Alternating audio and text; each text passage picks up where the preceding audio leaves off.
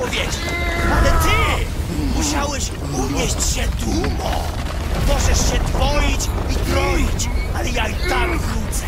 Twoje stare cielsko w końcu się podda, ale nim to zakończę, wiedz jedno.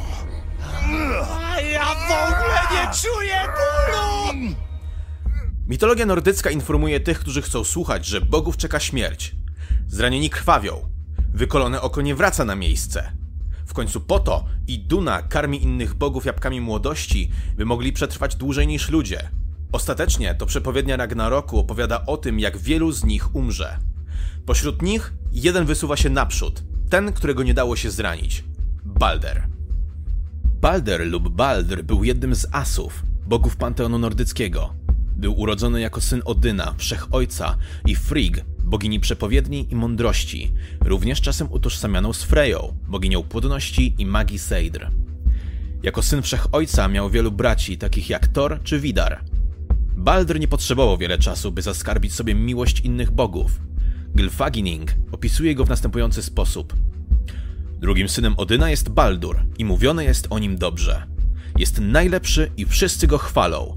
Jest tak przystojny i tak jasny, że z niego samego wydobywa się światło. Pewne ziele jest tak białe, że uważa się je za brew Baldera.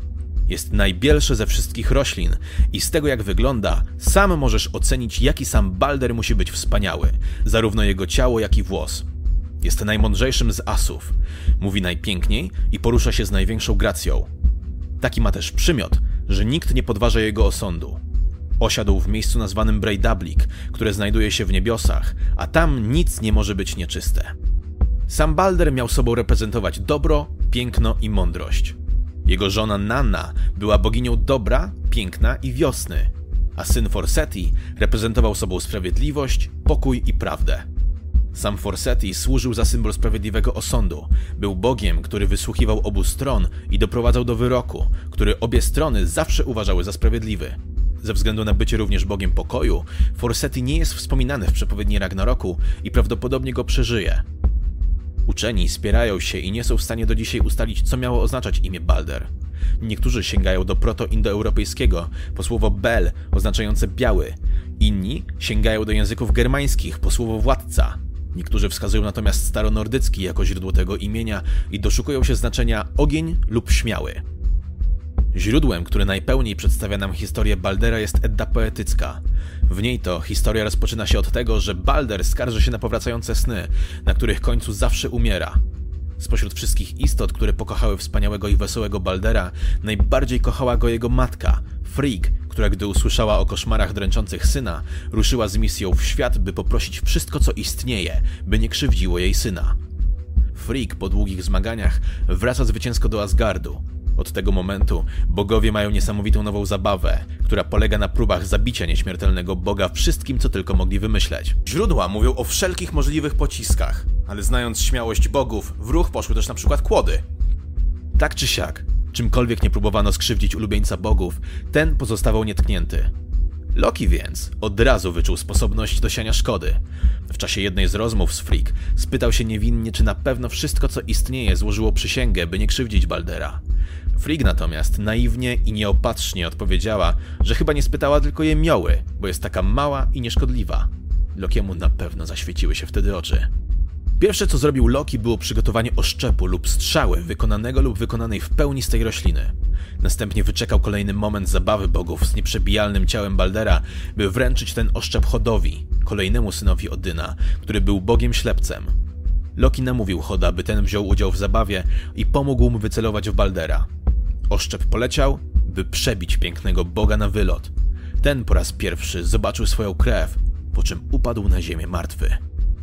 Kiedy Odyn dowiedział się, co się wydarzyło między jego synami, zrobił to, co zrobiłby na jego miejscu każdy odpowiedzialny rodzic. Z gigantką Rindr począł kolejnego syna, boga Waliego, który natychmiast się urodził i w ciągu dnia osiągnął dorosłość, by zabić Choda i ruszyć w pogoń za Lokim. Mitologia nordycka. Ciało Baldera zostało złożone na jego statku, Hringhorni, a zanim został on ceremonialnie podpalony, Odyn wyszeptał coś synowi do ucha. Do łodzi został też złożony koń Baldera i wszystkie jego dobra. Ogień zapłonął, a Nana, żona Baldera, wskoczyła w ogień, by wraz z Ragnarokiem połączyć się ze swoim ukochanym. Thor był tak wściekły, że gdy krasnolud Litr przebiegł przed nim w czasie pogrzebu jego brata, ten kopnął krasnoluda tak mocno, że wpadł w płomienie, gdzie zginął. Gdy łódź stała w pełni w płomieniach, gigantka Hyrrokina, która jeździła na wilku, spuściła łódź wprost do wody, a uderzenie zatrzęsło ziemią.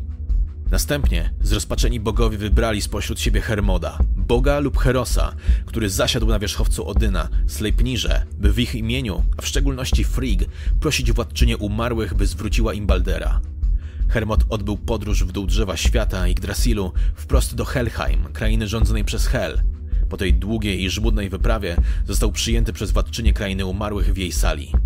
Obok niej siedział Balder, cały blady, bez życia, bez humoru, który tak bardzo go charakteryzował. Hel wysłuchała w końcu błagania Freak. Postanowiła, że daje jej szansę, pod jednym warunkiem. Cały świat miał zapłakać za Balderem i potwierdzić jej słowa, że wszystko co istnieje go kocha. Hermod wyruszył więc w świat i rozmawiał ze wszystkim co żywe. Tak jak Freak prosiła o niekrzywdzenie swego syna, tak teraz Hermod prosił o zapłakanie za Bogiem dobra. I świat płakał, Zapłakała nawet niegroźna jemioła, lecz ścieżka Hermoda przecięła się z gigantką Tuk, co tłumaczy się na podzięka, która odmówiła i ostatecznie związała Baldera w krainie Hel. A Loki się śmiał, gdyż uważa się, że Tuk była tak naprawdę przebraniem Lokiego. I tak Baldur ma trwać martwy u boku Hel, jednak powróci wraz z końcem Ragnaroku zmierzchu bogów, by ucieszyć swą obecnością tych, którzy przetrwają ten kataklizm. Śmierć Baldera stanowi bezpośredni punkt zapalny końca świata. Za udział w śmierci ulubieńca bogów Loki zostanie uwięziony, by ostatecznie uwolnić się i poprowadzić gigantów przeciw bogom. Historia ta jest na tyle ważna dla wczesnośredniowiecznych Skandynawów, że występuje w kilku źródłach z paroma różnicami. Pojawia się w kronice anglosaskiej, gdzie główny bohater nazywany jest Balder Beldeg, lśniący dzień. Pojawia się również w germańskim manuskrypcie nazwanym drugim mersburskim zaklęciem. Jego uhistoryczniona wersja pojawia się w kronice Gesta Danorum, gdzie nie jako Bóg, ale jako człowiek, wataszka, dowódca wielkich wojsk, staje naprzeciw swojego konkurenta Choda. W opowieści Saxo Grammaticus'a Chod zdecydowanie bardziej zbliża się do tego, co miało reprezentować jego imię, czyli wojownika. Ten Hot jest daleki od bycia biernym, zmanipulowanym uczestnikiem tej historii. W tej wersji Hot i Balder są wataszkami, którzy wypuszczają swoje armie naprzeciw sobie, by rozwiązać kłótnię o piękną Nanę, córkę króla Norwegii. Balder jednak nie zamierza łatwo odpuścić, gdyż karmi się magicznym jedzeniem, które miało zapewnić odporność na wszelkie ataki. Gdy Hot tylko się o tym dowiaduje, rusza w długą i trudną podróż, by posiąść magiczną broń nazwaną Jemiołą, która da radę magii Baldera. Dochodzi do walki, w której Balder zostaje zraniony i ginie parę dni później. Ostatecznie wysnuwa się teorię, jakoby opis Baldera z Eddy poetyckiej Snorriego Sturlasona był tendencyjny i miał przedstawić Baldera jako męczennika, by zbliżyć go do figury Chrystusowej. Podczas gdy inne, starsze źródła wskazują, iż prawdopodobnie Balder był postacią pyszną i chętną do walki. Mam nadzieję, że się podobało. Jeśli tak, zostawcie proszę łapkę w górę albo subskrypcję. Do usłyszenia w następnych filmach.